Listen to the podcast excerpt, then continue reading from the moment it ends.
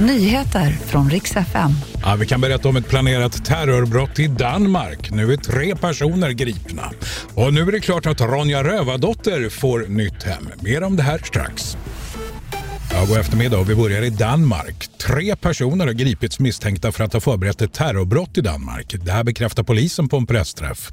En person har också gripits i Nederländerna och det här beskrivs handla om ett nätverk som planerar brottet. Det uppges finnas kopplingar till både utlandet och inhemsk gängmiljö. Närmare bestämt det kriminella nätverket Loyal to Familia skriver DR.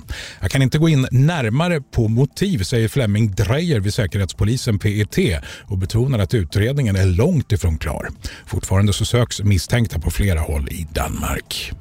Regeringen ska nu tillsätta en utredning för att se över möjligheterna att hyra anstalter utomlands. Det här för att råda bot på platsbristen på svenska fängelser.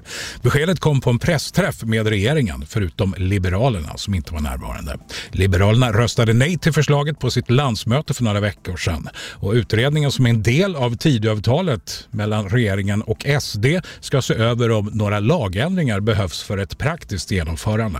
Frågan har tidigare prövats i grannländerna Danmark och Norge.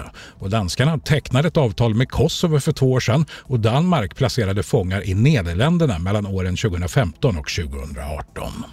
Och nu är det klart att Ronja Rövardotter får nytt hem.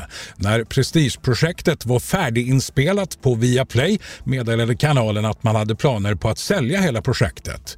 Och Netflix tar över Ronja Rövardotter. Det var nyheterna. Jocke Ljungberg heter jag.